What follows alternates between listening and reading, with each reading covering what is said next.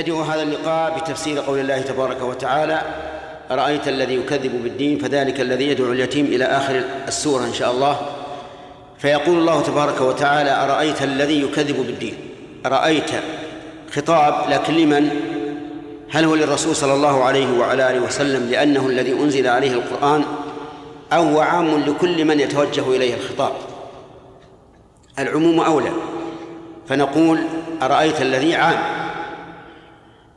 لكل من يتوجه إليه الخطاب. أرأيت الذي يكذب بالدين أي بالجزاء؟ وهؤلاء هم الذين ينكرون البعث ويقولون أئذا متنا وكنا ترابا وعظاما أئنا لمبعوثون؟ أو آباؤنا الأولون؟ ويقول القائل منهم من يحيي العظام وهي رميم. هؤلاء يكذبون بيوم الدين. أرأيت الذي يكذب بالدين أي بالجزاء؟ فذلك الذي يدعو اليتيم ولا يحض على طعام المسكين. فجمع بين أمرين. الأمر الأول عدم الرحمة بالأيتام الذين هم محل الرحمة لأن الأيتام هم الذين مات آباؤهم قبل أن يبلغوا. وهم محل الشفقة والرحمة لأنه فاقد لأبيه فقلبه منكسر يحتاج إلى جبر.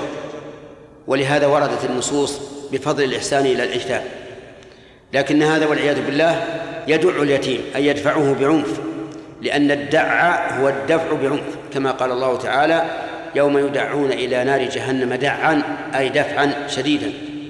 فتجد اليتيم إذا جاء إليه يستجديه شيئا أو يكلمه في شيء يحتقره ويدفعه بشدة فلا يرحمه.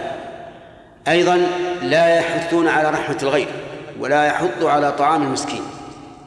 فالمسكين الفقير المحتاج إلى الطعام. هذا قلبه آه نعم المحتاج إلى الطعام لا يحض هذا على إطعامه. لأن قلبه حجر والعياذ بالله قاسي. فقلوبهم كالحجارة أو أشد قسوة. إذن ليس فيه رحمة لا للأيتام ولا للمساكين فهو قاسي القلب والعياذ بالله. ثم قال عز وجل فويل للمصلين. ويل هذه كلمة وعيد وهي تتكرر في القرآن كثيرا. والمعنى الوعيد الشديد على هؤلاء. للمصلين الذين هم عن صلاتهم ساهون. هؤلاء مصلون. يصلون مع الناس أو مع أو أو أفرادا لكنهم عن صلاتهم ساهون. أي غافلون عنها. لا يقيمونها على ما ينبغي. يؤخرونها عن الوقت الفاضل. لا يقيمون ركوعها ولا سجودها ولا قيامها ولا قعودها لا يقرؤون ما يجب ما يجب فيها من قراءة سواء كانت قرآنا أو ذكرا. إذا دخل في صلاته وإذا هو غافل قلبه يتجول يمينا وشمالا فهو فهو ساه عن صلاته. وأما وهذا مذموم الذي يسهو عن الصلاة ويغفل عنها ويتهاون بها لا شك أنه مذموم. أما الساهي في صلاته فهذا لا يلام والفرق بينهما أن الساهي في الصلاة معناه أنه نسي شيئا نسي عدد الركعات نسي شيئا من الواجبات وما أشبه ذلك. ولهذا وقع السهو من رسول الله صلى الله عليه وسلم وهو أشد الناس إقبالا على صلاته. بل إنه قال عليه الصلاة والسلام جعلت قرة عيني في الصلاة. ومع ذلك سهى في صلاته. لأن السهو في الشيء يعني معناه أنه نسي شيئا على وجه لا يلام عليه. أما الساهي عن صلاته فهو متعمد متعمد للتهاون في صلاته. ومن ومن السهو عن الصلاة أولئك القوم الذين يدعون الصلاة مع الجماعة فإنهم لا شك عن صلاتهم سهون فيدخلون في هذا الوعيد.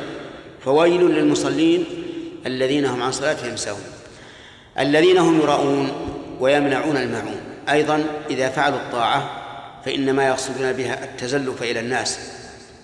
وأن يكون لهم قيمة في المجتمع ليس قصدهم التقرب إلى الله عز وجل. فهذا المراعي والعياذ بالله يتصدق من أجل أن يقول الناس ما أكرمه. هذا المصلي يحسن صلاته من أجل أن يقول الناس ما أحسن صلاته وما أشبه ذلك. هؤلاء يراؤون أصل العبادة لله لكن يريدون مع ذلك أن يحمدهم الناس عليها ويتقربون إلى إلى الناس بتقربهم إلى الله. هؤلاء مراؤون والعياذ بالله. أما من يصلي لأجل الناس بمعنى أنه يصلي بين يد الملك مثلا أو غيره يخضع له ركوعا أو سجودا فهذا مشرك كافر. قد حرم الله عليه الجنة ومأواه النار. لكن هذا يصلي لله مع مراعاة أن يحمده الناس على عبادته على أنه عابد لله عز وجل. وهذا يقع كثيرا في المنافقين. كما قال الله تعالى يراؤون الناس وإذا قاموا إلى الصلاة قاموا كسالى يراؤون الناس ولا يذكرون الله إلا قليلا. انظر لهذا الوصف. إذا قاموا إلى الصلاة قاموا كسالى. إذا هم إذا هم عن صلاتهم ساهون. يراؤون الناس هنا يقول الذين هم يراؤون. فإن قال الإنسان وهل الذين يسمعون مثلهم؟ يعني الإنسان مثلا يقرأ قرآن يجهر بالقراءة يحسن القراءة يحسن الأداء والصوت من أجل أن يقال ما أقرأه. هل يكون مثل الذين يرائي الذين يراؤون؟ الجواب نعم. كما جاء في الحديث من سمع سمع الله به ومن رأى رأى الله به. المعنى من سمع فضحه الله وبين للناس أن الرجل ليس مخلصا ولكنه يريد أن يسمعه الناس فيمدحوه على عبادته. ومن رأى كذلك رأى الله به. يعني فالإنسان الذي يرائي الناس أو يسمع الناس سوف يفضحه الله وسوف يتبين أمره إن عاجلا أم أم آجلا. الذين هم يرون ويمنعون الماعون أي يمنعون ما يجب بذله من من المواعين وهي الأواني. يعني يأتي الإنسان إليه مستعير آنية يقول أنا محتاج إلى دلو محتاج إلى إناء أشرب به محتاج إلى لمبة كهرباء وما أشبه ذلك ويمنع. هذا أيضا مذموم. و ومنع الماعون ينقسم إلى قسمين. قسم يأثم به الإنسان وقسم لا يأثم به لكن يفوته الخير. فما وجب بذله فإن الإنسان يأثم بمنعه. وما لم يجب بذله فإن الإنسان لا يأثم بمنعه لكن يفوته الخير. مثال ذلك إنسان آه، جاءه رجل مضطر يقول أعطني ماء أشرب به فإن لم أشرب مت. بذل الإناء له. إيش؟ واجب. يأثم به الإنسان. حتى أن بعض العلماء يقول لو مات هذا الإنسان فإنه يضمنه ذاك بالدية لأنه هو سبب موته ويجب عليه بذل ما طلبه جاء إنسان إلى آخر يقول أعطني ثوبا أدفأ به عن عن البرد وإلا هلكت. هنا يجب عليه أن يبذل له ذلك الثوب وجوبا. لكن اختلف العلماء في هذه المسألة. هل يجب على المستعير في هذه الحال أن يعطي المعير أجرة أو لا يجب؟ أو يجب في المنافع دون الأعيان؟